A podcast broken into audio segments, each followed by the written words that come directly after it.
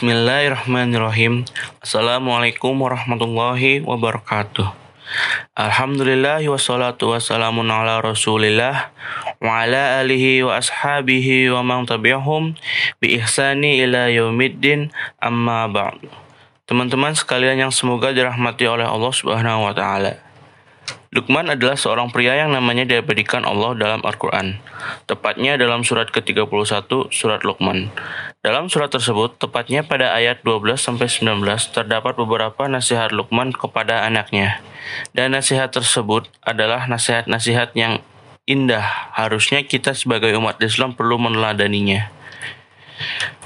Banyak ulama yang meriwayatkan tentang dirinya, ada beberapa ulama yang mengatakan dia seorang nabi namun bukan rasul sehingga memanggilnya dengan Luqman alaihissalam.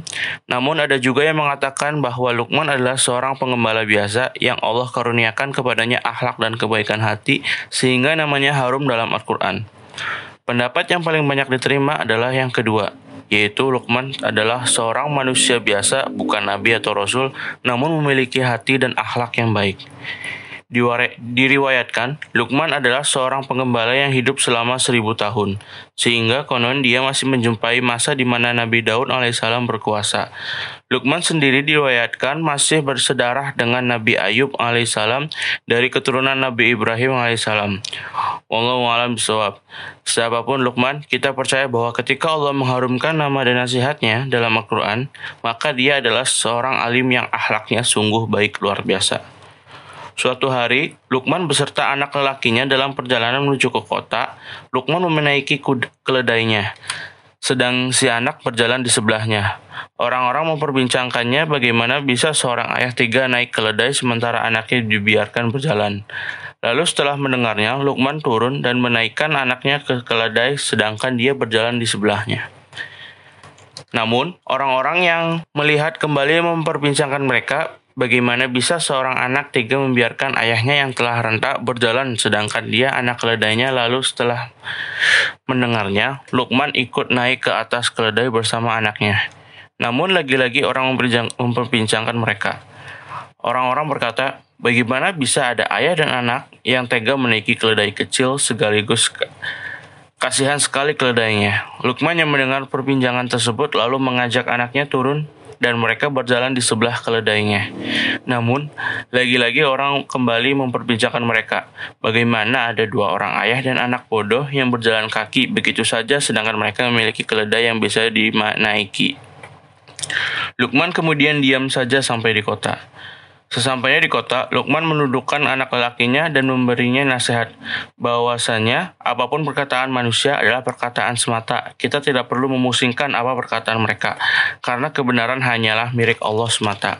Selanjutnya, inilah beberapa nasihat luar biasa Lukman kepada anaknya yang Allah rangkum dalam surat Lukman ayat 12-19. Yang pertama, jangan mempersekutukan Allah. Quran Surah Luqman ayat 13. Disebutkan dalam ayat tersebut, dan ingatlah ketika Lukman berkata kepada anaknya di waktu ia memberi pelajaran kepadanya, Hai anakku, janganlah kamu persekutukan Allah. Sungguhnya mempersekutukan Allah merupakan suatu kezaliman yang besar. Dan kita semua umat Islam tahu bahwa salah satu dosa yang tidak terampuni oleh Allah adalah syirik atau mempersekutukan Allah dengan selainnya. Entah sekecil atau sebesar apa pun itu tindakannya. Maka kita haruslah berhati-hati pada perkataan atau perbuatan kita yang bisa mengarah kepada syirik. Yang kedua, perbuatlah baik pada orang tua.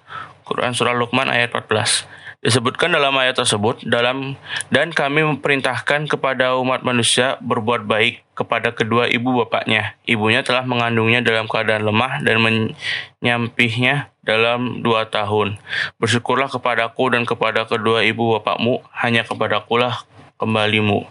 Lukman menasehati anaknya sesuai perintah Allah untuk berbuat baik dan berbakti kepada orang tua. Karena benar bahwa keridhaan Allah ada pada ridho orang tua. Orang tua adalah mereka yang jasanya tidak pernah mampu kita balas sampai kapan pun, bahkan sampai kita mati sekalipun. Yang ketiga, Allah Maha Melihat Quran Surah Luqman ayat 16 Dalam ayat tersebut dijelaskan Luqman berkata Wahai anakku Sesungguhnya jika ada satu perbuatan seberat biji sawi Dan berada dalam batu atau di langit atau di dalam bumi Niscaya Allah akan mendatangkannya membalasnya. Sesungguhnya Allah Maha Halus lagi Maha Mengetahui.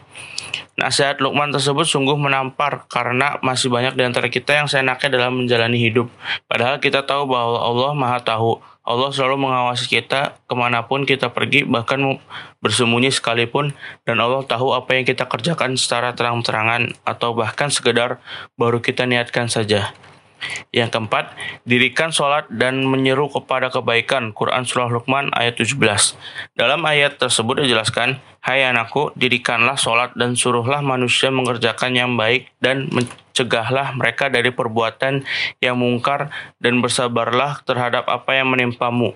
Sesungguhnya yang demikian itu termasuk hal-hal yang diwajibkan oleh Allah. Seperti nasihat Luqman bahwa Allah menciptakan manusia dengan kewajiban beribadah kepadanya, serta menyuruh manusia kepada kebaikan. Sehingga benar jika dikatakan bahwa sholat adalah tiang agama. Maka jika tiangnya roboh, dengan kata lain sholatnya tidak ditegakkan, maka bisa dipastikan agama agama atau imannya telah roboh dan tidak akan mampu menyeru kepada kebaikan. Sehingga itu adalah sebuah dosa besar yang tak terampuni. Yang kelima, janganlah sombong. Quran Surah Luqman ayat 19. Dalam ayat tersebut dijelaskan, dan sederhanalah kamu dalam berjalan dan lunakkanlah suaramu sesungguhnya seburuk-buruk suara adalah suara keledai. Dari nasihat Luqman tersebut, kita bisa mengambil hikmah bahwa Allah sangat membenci orang yang sombong, di mana orang-orang yang sombong biasanya diciri khaskan dengan cara berjalan mereka yang terlihat angkuh lagi pongah, dengan kepala mengangkat serta dengan cara berbicara yang tinggi, baik perkataan maupun nada suara, sehingga bisa disejarkan bahwa yang sombong itu sangat buruk karena diumpamakan dengan seekor hewan, keledai. Itulah kisah tentang Luqman dan anaknya yang terangkum sangat indah dalam Quran surat Luqman di mana dalam surat tersebut juga terdapat lima nasihat besar yang harus diteladani oleh semua anak manusia, tentunya umat Islam. Karena nasihat-nasihat tersebut bukan sembarangan dalam periwayatannya, namun langsung diriwayatkan oleh Allah Subhanahu wa taala lewat kalamnya Al-Qur'an. Sekian yang dapat kami sampaikan. Wassalamualaikum warahmatullahi wabarakatuh.